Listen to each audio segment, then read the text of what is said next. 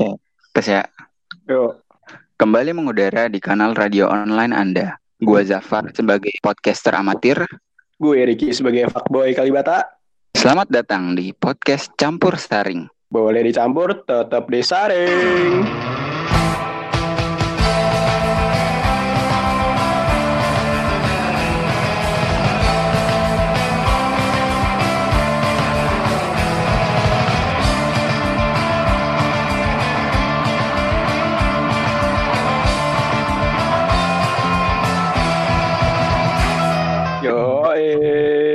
Cek, malam ini kita mau ngapain nih? Nah, kita bakal ngobrol-ngobrol santai nih sama salah satu teman kita yang Halo. Nyantai kan ini? nyantai-nyantai. Emang mau ngapain ya? Oh, oke. oke. Malam ini kita bakal ngobrol-ngobrol santai, eh, bahas banyak hal sih. Boleh perkenalan dulu, saudari Alia. Oke, halo semuanya, selamat malam buat yang dengerin kita bertiga. Kenalin, nama gue Alia. Eh, mahasiswi dari Tera juga, satu kampus dengan Zafar dan juga Ricky. Salam kenal buat kalian semua. Salam kenalan. Salam kenal. Beda ya kalau udah jadi itu penyiar handal tuh. Iya beda, suaranya lebih renyah dia Ki. Lancar Beda. gitu. Oke, jadi gini teman-teman. Eh, malam nih ada bahasan yang mungkin cukup hangat gitu untuk kita bahas. Nah, eh, sebelum gue mulai dari bahan obrolan kita ini dulu ya, gue mau nanya dulu dong, Al, gimana kabarnya Al? Alhamdulillah sehat. Ya, meskipun gue sempet agak sakit gara-gara memang campur banget ya sama tugas-tugas kuliah dan UAS kemarin. Tapi ya it's okay, sekarang gue udah mendingan. Waduh. Apa kabar? Alhamdulillah gue juga baik dengan ya kesibukan merebahkan diri di kasur, ya Ki. Yo, gimana cara bangun dari kasur tuh gimana caranya gitu? Iya, Itu agak sulit sih. Kalau Ricky sendiri gimana saudara Ricky? Ya, sehat-sehat aja. Si hidup ini masih Ah. balik lagi ke topik pembicaraan kita nih. Hmm, soal uh, kehidupan anak muda di tengah masa pandemi corona ini. Kita kita ngelihat saat ini banyak orang yang kayak masih nggak acuh gitu tentang penerapan aturan PSBB. Dan menurut pendapat gue sendiri tuh eh gimana ya? Biarpun kebijakan pemerintah mau seketat apa pun, kalau pola pikir masyarakat yang nggak ditekanin lebih dalam lagi, percuma gitu. Terus eh, ngomongin soal pandemi lagi nih, kalau menurut kalian sendiri, apa sih hal-hal yang disayangin kelewat karena ada pandemi ini? Hal-hal yang ngeganggu job Hmm. lu ataupun biasa rutinitas lu gitu, banyak yang terganggu karena pandemi ini. Kalau menurut lu sendiri apa tuh? Kalau dari gue sendiri sih eh, hal-hal yang ngehambat gue selama karena ada COVID-19 ini pertama kuliah ya, kuliah gue jadi terhambat banget. Karena menurut gue karena kita kuliah teknik, ilmu eksak yang harus dipelajarin ini jadi nggak totalitas gitu cara sistem pembelajarannya dengan kuliah online ini menurut gue juga masih kurang efektif gitu untuk kita mahasiswa teknik karena memang sangat terbatas. Terus juga eh, karena gue sebagai anak organisasi ya kan banyak beberapa planning atau program kerja itu jadi eh, terhambat gitu nggak bisa ngelaksanain program-program kerja gue gitu gara-gara adanya corona ini terus juga karena gue juga eh, sering ngejob ya kan ngejob di, di luar kayak MC atau eh, ambil event-event di luar gitu. Ini jadi nggak ada event karena kan nggak ada yang nikah ya nggak sih kalau lagi corona kayak gini gitu. Jadi gue MC nggak bisa juga gitu. Iya sih, bener sih. Banyak banyak banget ya. Kalau misalkan orang-orang yang kerjaannya rata-rata di luar dari eh, kerjaan yang work from home gitu agak jadi beban ngehalang juga ya untuk dikerjain. Karena ya gimana? Karena kondisinya corona kita jadi melakukan physical distancing keluar kan. Iya Bener banget tuh. Kalau dari saudara Ricky sendiri gimana Ki? Aduh, sebenarnya gue ya apa ya hidup gue kan monoton ya biasa aja gitu. Nggak ada apa-apa sih, nggak ada yang penting sebenarnya. Tapi tadi sih, gue setuju juga sih sama Alia tadi ya. Kalau ya setara kalau anak organisasi itu kan pasti ada kerjaan gitu untuk maksudnya prokja-prokja gitu kan. Ya paling ada yang terhambat gitu. Eh atasinya jadi sulit sih mungkin kayak sekarang harus apa-apa online, rapat online gitu. rapat online juga paling ada yang matiin kamera terus nggak dengerin kan gitu. Hmm. Jadi kalau menurut kalian tuh benar benar benar. eh, lebih efektif rapat online atau secara langsung tatap muka? Kalau gue sih lebih setuju itu kayak rapat langsung sih, karena kan kalau misalnya kita mau menge- mengemukakan pendapat atau kita punya ide-ide, terus kita mau musyawarah lebih apa ya lebih enak secara langsung gitu kita online. Pertama nih yang gue nyaman ini pertama eh, karena kuota gitu kan. Tapi di kuota gue nggak terbebani gitu dengan dengan kuota gue yang kepake buat rapat-rapat online. Terus kedua eh, ngeganggu banget kalau ngelaksanain rapat malam-malam, terus jadi lebih pan lebih panjang juga kan durasi eh, rapatnya. Belum lagi kalau sinyal nggak stabil, ya menurut gue jadi hilang-hilangan gitu kan ya. yang rapat online gitu sih. Mungkin Iya. eh, permasalahannya lebih ke teknis rapatnya itu sendiri kali ya. Heeh. Setuju sih gue kayak gitu tuh. Ya di samping Iya. uh, jaringan tapi kalau secara langsung itu kita juga dapat feel-nya gitu loh kayak kalau misalnya kita tetap langsung pasti ada feel nambah Hmm. teman tuh ada gitu loh Iya benar-benar. katanya tuh ada Dan gitu secara langsung Oh, dan lo juga bisa ngeliat ekspresi orang-orang selama berdiskusi secara langsung gitu ya. iya. Dan apa sih make up gue tuh juga gak berguna gitu loh gak kalau gue pergi gitu kan buat rapat. Kalau rapat online kan enggak gitu. Iya, iya. Lu mau cuci muka buat ngebersihin belek juga nggak masalah sih kalau rapat online ya. nggak nggak kelihatan gitu kan iya mau nggak mandi juga nggak ada yang nyium bau lo kan gitu iya bener bener Oke, terus selanjutnya Lanjut. eh, kalau menurut kalian gimana sih dampak pandemi ini terhadap keseharian lo? Kalau buat lo sendiri nih, ada nggak keseharian lo yang terganggu? Kayak kalau untuk perkuliahan sendiri tuh apa gitu kendalanya? Dan untuk Ramadan ini kan tadi lo bilang terawih atau mungkin ada hal-hal lain tuh yang sangat disayangin terhalang selama Ramadan ini gara-gara adanya pandemi ini. Waduh. Ricky dulu. Kalau gue kuliah ini tadi sih. Udah disebutin di awal kan sama Alia kayak kendala jaringan lah gitulah. Terus ya paling kalau kuliah online tadi jaringan terus nggak efektif juga gitu loh. Buka ya gue juga bingung sih mau efektif apa enggaknya kan gitu. Cuman ya kita harus menerima aja kan kalau sekarang gitu kan. Terus kayak kalau sekarang kuliah online itu jadi banyak tugas kan gitu. Benar-benar. numpuk banget kan dijajarin bisa itu. Hmm, bener-bener. Nggak ada yang bukan kering. Kalau dari lo gimana Al? ya agak agak.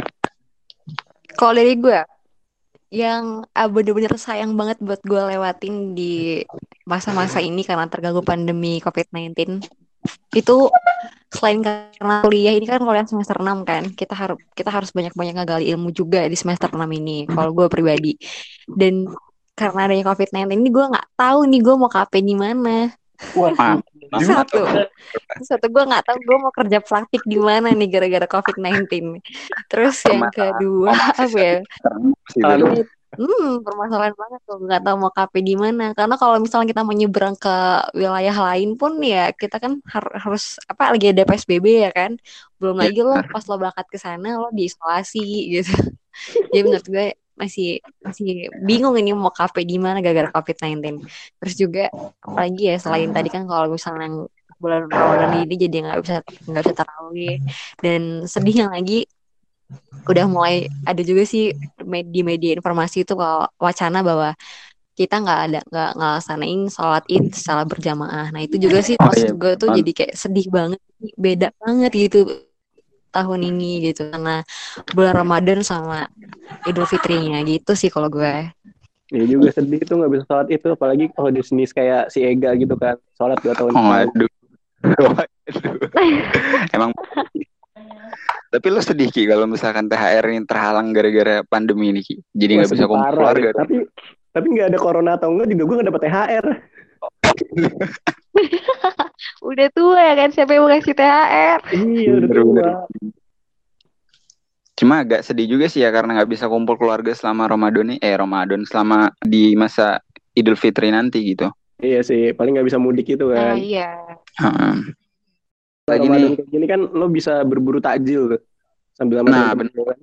Gitu. kalau rutinitas gue biasanya kan yang gue sama temen gue tuh ada yang kayak sering tiap buka puasa itu kita nyari itu keliling daerah Bandar Lampung. Eh ini masjid mana nih yang makanan paling enak nih? kalau udah yang paling enak oh, langsung gas sono. Oh iya benar.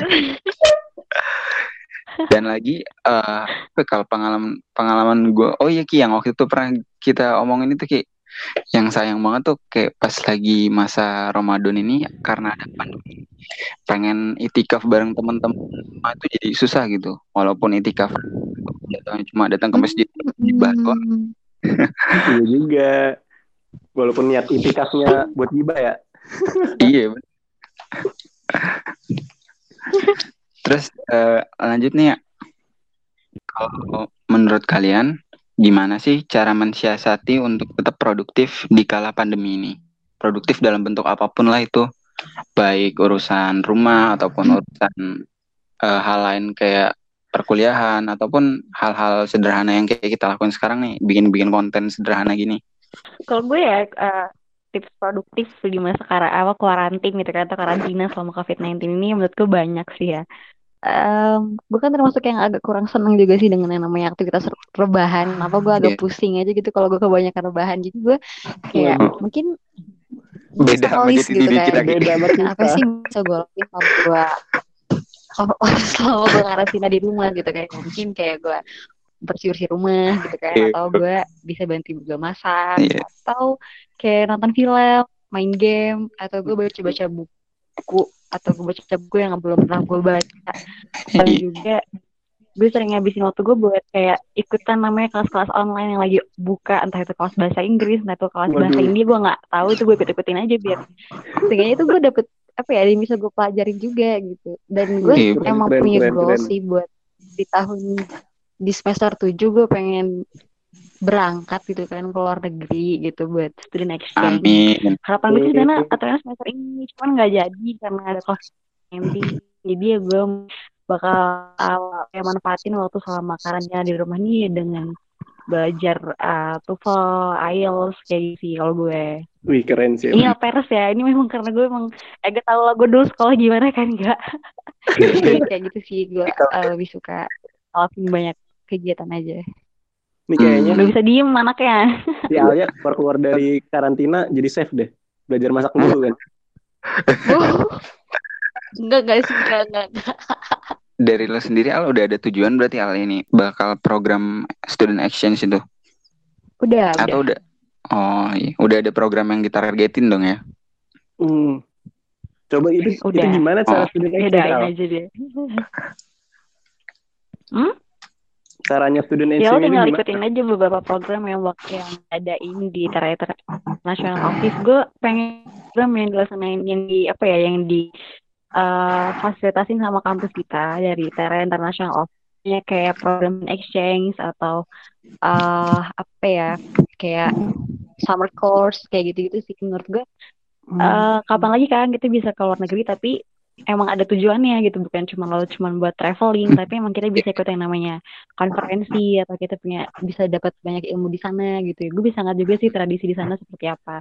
Kalau gue sih sebenarnya harapannya gue pengen banget nih ITERA uh, ngejalin MOU dengan uh, universitas di India. Karena menurut gue India itu relate dengan uh, program studi gue karena kan program studi gue kan teknik lingkungan jadi Oh, di iya. tuh kan emang tentang permasalahan lingkungannya kan relate banget tuh ya kan jadi kalau misalnya gue student exchange ke ke sana atau baik student program ke sana ya gue bisa dapat ilmu yang sesuai gitu dengan prodi, prodi gue siapa tahu itu bisa jadi bahan TA kayak gitu sih Amin. tapi Amin. karena belum ada yang bisa ambil eh, daerah kayak di Jepang kayak Nara Institute of Science itu kan mereka juga fokus ke teknik lingkungan juga ada ada kayak gitu sih ya doain aja Emang kalau udah punya tujuan ini ya, Ga ya. Keren banget. Keren Kalau. Kita yang cowok-cowok kalah loh sumpah. Harusnya kan cowok jadi imam. kalau lu sendiri rencana lo omongin lo mau lanjut ke Venezuela itu gimana Ki? Waduh, nggak pengen tuh gue. wow Kayaknya tuh gagal Venezuela. Gue ke Zimbabwe nanti. Jadi presiden gitu. Tapi eh, sering juga nih Al gue merhatiin ya cewek-cewek nih selama masa pandemi ini kayaknya banyak yang jadi hobi-hobi masak gitu. Kalau lo sendiri capaian terbaik udah berhasil masak apa tuh? Masak air. Masak air. apa ya capaian gue selama gue udah bisa masak ya karena gue emang latihan masak udah lama sih jadi emang gak ada gue oh goals gue sih bisa bikin kue kayaknya Waduh. Tuh, enggak. motongin doang Selama pandemi ini udah tercapai nih. Eh, udah sih udah udah udah udah tercapai ya. Meskipun belum 100% ya setidaknya ada hal yang belum pernah gue masak tapi gue bisa lah sedikit belajar dari ibu gue Keren, keren, karena kalau misalnya masak kayak masak-masak numis gitu atau bikin-bikin sayur ya gue bisa sih gitu. Ya, namanya cewek kan wajar kalau cowok bisa masaknya tuh gue acungin jempol banget tuh. Kalau Iya. cewek kan wajar kalau bisa masak. Gue bi- gue bisa, Kasih gue bisa, gue bisa. Masak mie, masak air. rendah aja kali ini kalau lo gimana Gue sendiri sih nyoba-nyoba juga sih kadang. Dari tips kan banyak tuh ya yang kayak di Instagram video-video TikTok tutorial masak-masak. Bikin tuh. dalgona kopi itu ya. Mm-mm. Tapi nggak ada yang jadi. Tapi nggak apa-apa. Seenggaknya masih ada usaha gitu. Oh, iya. gue mau nanya lo Ya apa tuh?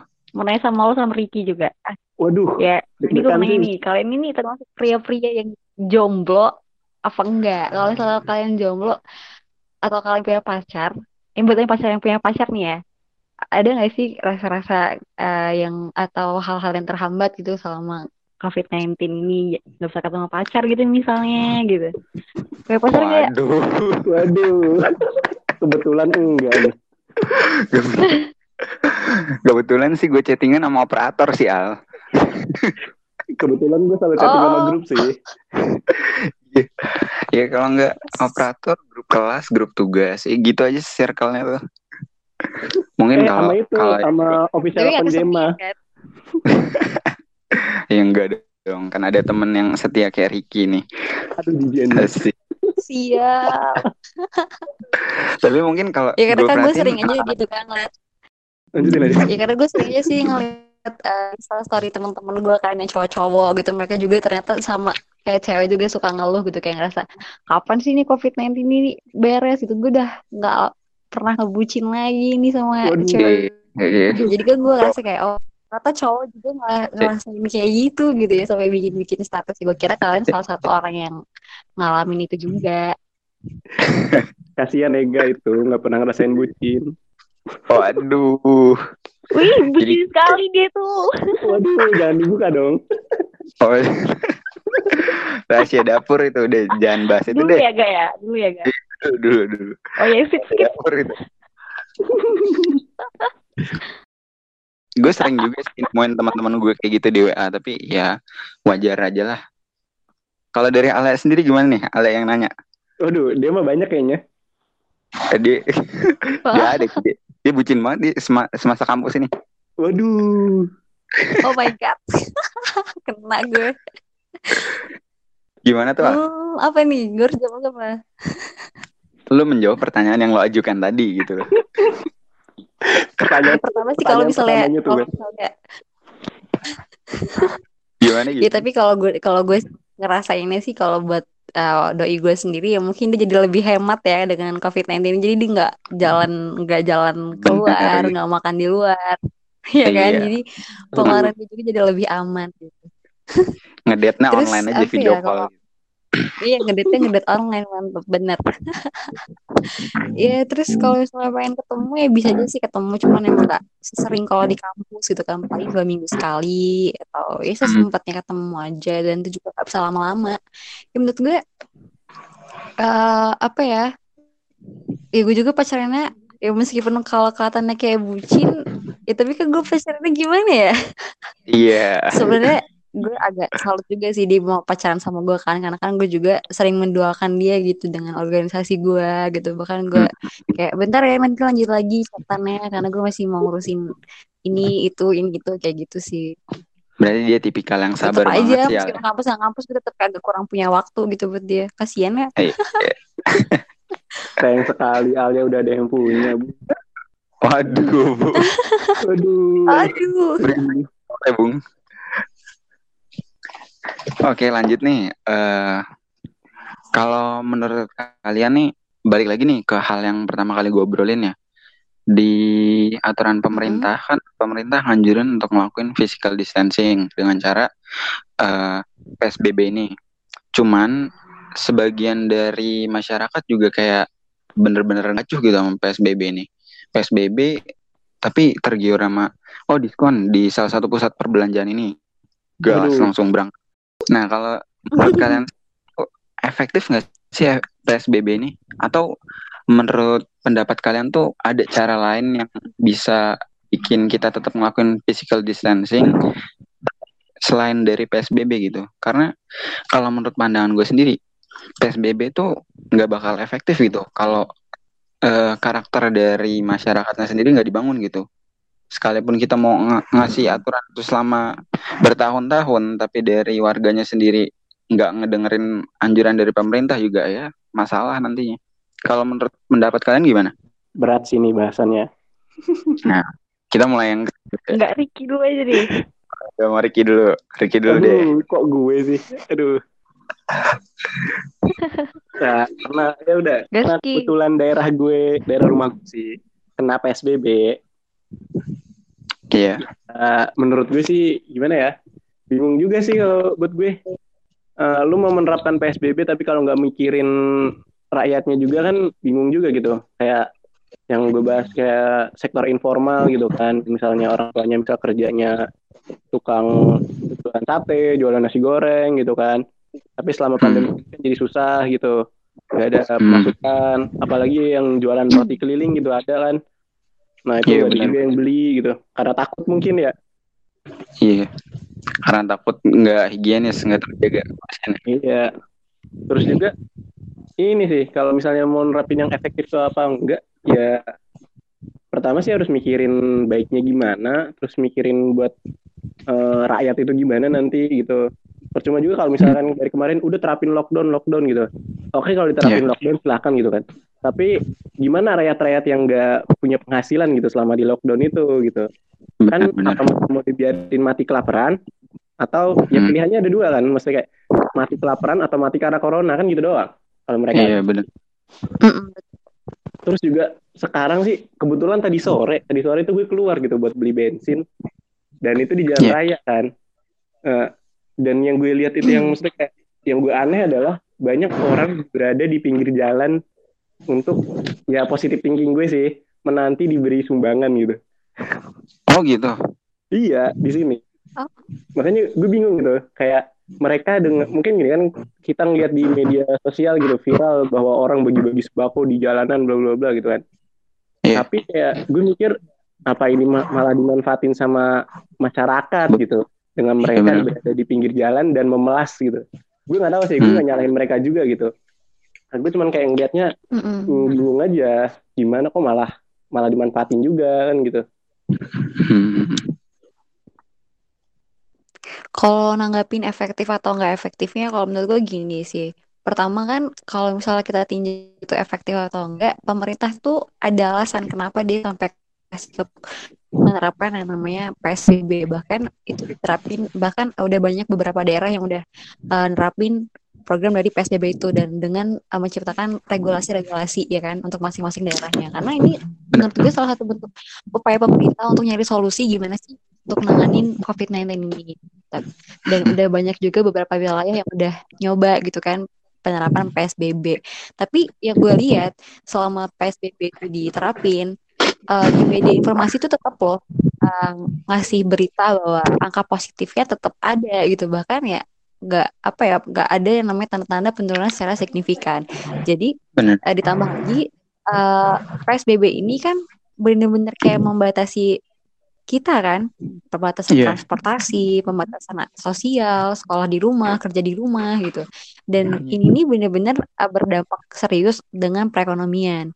Gak cuma perekonomian masyarakat, kayak perekonomian perhotelan, perekonomian transportasi darat, udara itu kan jadi banyak mereka banyak uh, ngalamin kerugian gitu karena nggak ada uh, pemasukan, pemasukan untuk ya. mereka. Terus juga untuk rakyat sendiri gitu kan yang mungkin kerjanya sebagai pedagang itu mereka nggak bingung mau dagang gimana karena kalau dagang di pasar ya harus ditutup gitu karena biar untuk menghindari keramaian terus juga untuk yang uh, kerja di perusahaan karena perusahaan yang nggak bisa berproduksi akhirnya banyak uh, karyawan yang akhirnya di PHK jadi uh, karena dampak dari ini dari COVID-19 ini dan bentuk upayanya seperti PSBB atau lainnya itu jadi banyak orang kehilangan pekerjaannya gitu. Nah, uh, yang gue lihat sih menurut gue uh, penerapan udah dilakuin tapi nggak ada tanda-tanda penurunan dari COVID-19 ini menurut gue ini uh, termasuk terbilang kurang efektif ya karena ya nggak ada apa impactnya gitu untuk COVID-19 ini sendiri bahkan semakin karena bahkan semakin marak semakin berbahaya gitu. Banyak yang kehilangan hmm. pekerjaan semakin banyak orang yang ngerasa kelaparan bingung mau cari mau makan apa mau cari uang di mana kayak gitu. Dan akhirnya apa? Banyak kejahatan kayak gitu kan. Kayak kita di Lampung sendiri ini marak banget yang namanya kejahatan uh, begal rampokan dan lain sebagainya. Dan itu kan itu karena faktor perekonomian. Kalau menurut gue sendiri bingung mau makan apa. Bener kata Ricky tadi. Jadi dasarnya tuh gini kalau misalnya uh, kalau kita nggak kerja nggak cari nafkah ya kita nggak bisa makan. Akhirnya malah mati kelaparan. Tapi kalau misalnya kerja atau aktivitas di luar ya resikonya itu kena penyakit atau tetap tertular COVID-19 jadi Benar. Ya, gue juga karena masih bingung sih untuk nanggepin yang namanya COVID-19 ini gimana solusinya. Tapi benar kalau tadi yang lo bilang, yang kayak Ricky bilang sama Ega bilang gitu. Yang disayangkan tuh adalah ini, nggak ada kesadaran dari masyarakat yang untuk uh, ngelawan 19 ini gitu. Bentar tadi kan ada diskon, ada ini langsung pada belanja, pas pada berangkat. Kalau untuk yang cari nafkah, it's okay lah menurut gue kan karena mereka uh, harus menafkahi keluarganya gitu, tanggung jawab. Tapi kalau untuk orang-orang yang ngerasa ah gue bosen banget nih gue di rumah gue butuh refreshing gue pengen jalan-jalan gue bosen di rumah. Nah itu lo gitu salah gitu. Lo egois kalau misalnya lo pengen uh, apa ya ngutamain keinginan diri lo sendiri dan itu berbahaya buat diri lo sendiri dan juga orang sekitar. Benar, benar. yang jadi masalah benar, di sini adalah kesadaran dari masyarakatnya. Udah tahu uh, beresiko untuk beraktivitas di luar tapi kayak seolah-olah bodo amat kayak ya udahlah gitu. Bahkan pakai masker pun kayak males terus nggak cuci tangan nggak mau jaga diri. Nah itu yang salah. Itu sih kata gue. Kita nggak hmm. nyalahin pemerintah kita harus nyalahin yang lainnya. Ya dari diri kita sendiri aja gitu. Benar-benar gue. Harus nombokin kesadaran masing-masing juga ya. Iya hmm. semuanya dimulai dari diri sendiri kan gitu Iya. Ya, betul. Tapi kalau misalkan buruknya ngomong nih, kan bakal ada wacana ya. Gue nggak tahu ini bentuk konspirasi atau cuma berita rumor di internet doang. Bakal ada wacana kalau bakal diberlakuin herd immunity atau kita ngebentuk daya imunitas kita sendiri kayak bentuk seleksi alam gitu sih. Kayak yang kuat bakal iya. bertahan yeah. dan yang lemah terjangkit gitu. Kalau pendapat yeah, kalau menurut pendapat lo orang gimana tuh menyikapi hal ini? Hmm. Kalau kalau dari gue sendiri ya, sebenarnya sih herd immunity itu tuh ada dampak positif negatifnya. Kalau menurut pandangan gue sendiri sih dampak uh, positifnya itu tuh ini bisa jadi pandemi bakal jadi cepat berakhir. Terus juga bisa terbentuk manusia baru kan yang lebih kebal gitu karena dia bisa beradaptasi dengan penyakit-penyakit baru kayak COVID-19 ini. Terus juga perekonomian jadi nggak terhambat gitu kan. Karena kan yang yeah. kita terhambat perekonomian ini kan karena pembatasan dari PSBB ini gitu kan. Hmm. Supaya kita bisa jaga jarak physical distancing inilah.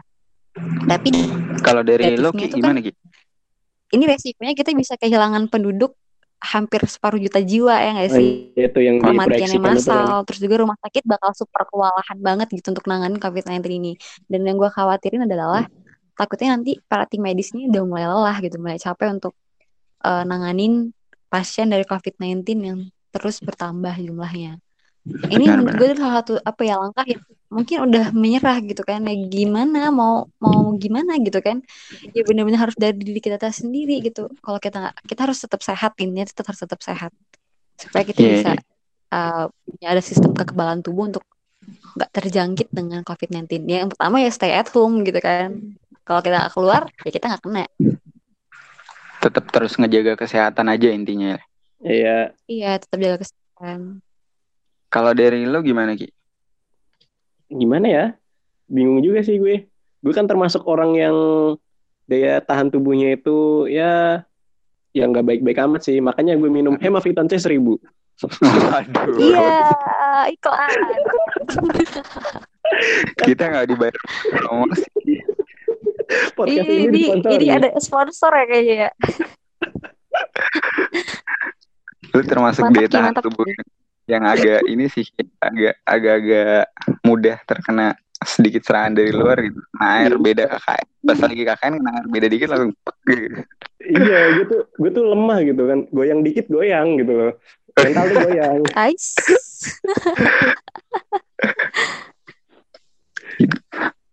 Oke nih, ada poin terakhir yang bakal kita obrolin malam ini yang bakal jadi penutup.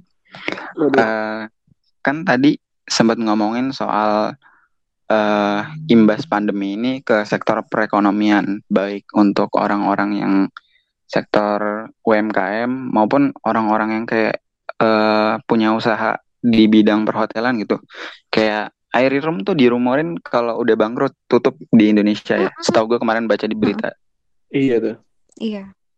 Nah, kalau menurut kalian sendiri, gimana sih solusi yang tepat gitu, biar perekonomian ini tetap bisa jalan gitu?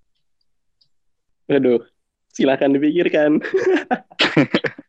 kalau kalau kalau menurut gue sih kan eh, kayak McD yang di Sarinah di Jakarta kan juga tutup tuh ya kan karena COVID-19 ini juga karena emang nggak ada yang makan di sana gitu nggak ada konsumen yang beli-beli produk-produk me- mereka bahkan nggak cuma McD sih gue ya, juga Bang? yakin banyak banget eh, apa namanya toko-toko lain-lainnya juga yang tutup gitu. Dan kayak sama kasusnya dengan Airy Room sini ya karena emang nggak ada yang nggak ada penggunanya gitu kan. Siapa sih mau traveling? Siapa sih mau pesan hotel? Ya kan? Kalau mereka juga Bener. lagi stay at home mereka nggak ke mana-mana. Nah ini kan salah satu dampaknya juga. Dan menurut gua solusinya itu tadi benar yang tadi herd immunity itu. Karena dengan herd immunity itu kan pelan-pelan transportasi kayak sekarang nih udah mulai agak dilonggarin nih transportasi udah mulai bisa uh, beroperasi. Terus juga pelan-pelan sekolah bakal dibuka lagi pelan-pelan mall udah bisa dibuka lagi. Ya karena kan memang uh, ke Pak Bali kepada poin utama. Kalau lo sehat kalau lo kuat lo nggak kena COVID-19 tapi kalau lo lemah ya lo bisa kena. Ya gitu sih kalau menurut gue Kalau dari lo sendiri gimana Ki? Lu, Par. Kasihan lu par yang lemah syahwat kena itu pasti. Waduh, itu beda konteks Pak, Oh iya beda konteks ya. beda konteks. Gimana Ki kalau menurut lo? Ki? Ya kebetulan juga kan ya gue mempelajari ilmu tentang perekonomian kota kan gitu kan. Waduh, te- Ya, menurut gue sih eh bingung juga sih gimana gitu ya. Tapi kayak kalau kayak untuk membangkitkan ekonomi kembali nanti mungkin di setelah era pandemi ini atau beranjak eh surut lagi beranjak turun lah itulah di itu Iya. kurvanya ya perlu adanya kerjasama antara pemerintah dengan masyarakat gitu. Jadi masyarakat sama pemerintah ya saling bekerja sama saat eh, pemerintah mengeluarkan kebijakan, ya masyarakat ikut kebijakan tersebut atau mengkritisi lalu lalu kita memperbaiki dan masyarakat mengikut. Gitu. Jadi diperlukan kesadaran dua-duanya. betul betul. Ya kalau cuma manfaatin satu orang eh satu apa namanya pemerintah Satu atau Satu doang, pihak. iya satu pihak doang ya nggak bakal jalan itu. iya. butuh kerjasama yang baik juga ya Iya, antara betul. masyarakat dan pemerintah. Mm-mm. Mm-mm. Ya udah, eh, ini nih terakhir, terakhir banget nih. Eh, kalau dari kalian apa sih harapan untuk pandemi ini? Apa ya? Siapa? Apa ya? Apa ya? Gue punya dulu harapan dikit. sih. Gue gak punya harapan Gue- kayaknya. Ini aja deh, jangan harapan deh. Eh, apa hal yang pertama kali bakal lo lakuin setelah pandemi berakhir? Jalan-jalan. Gue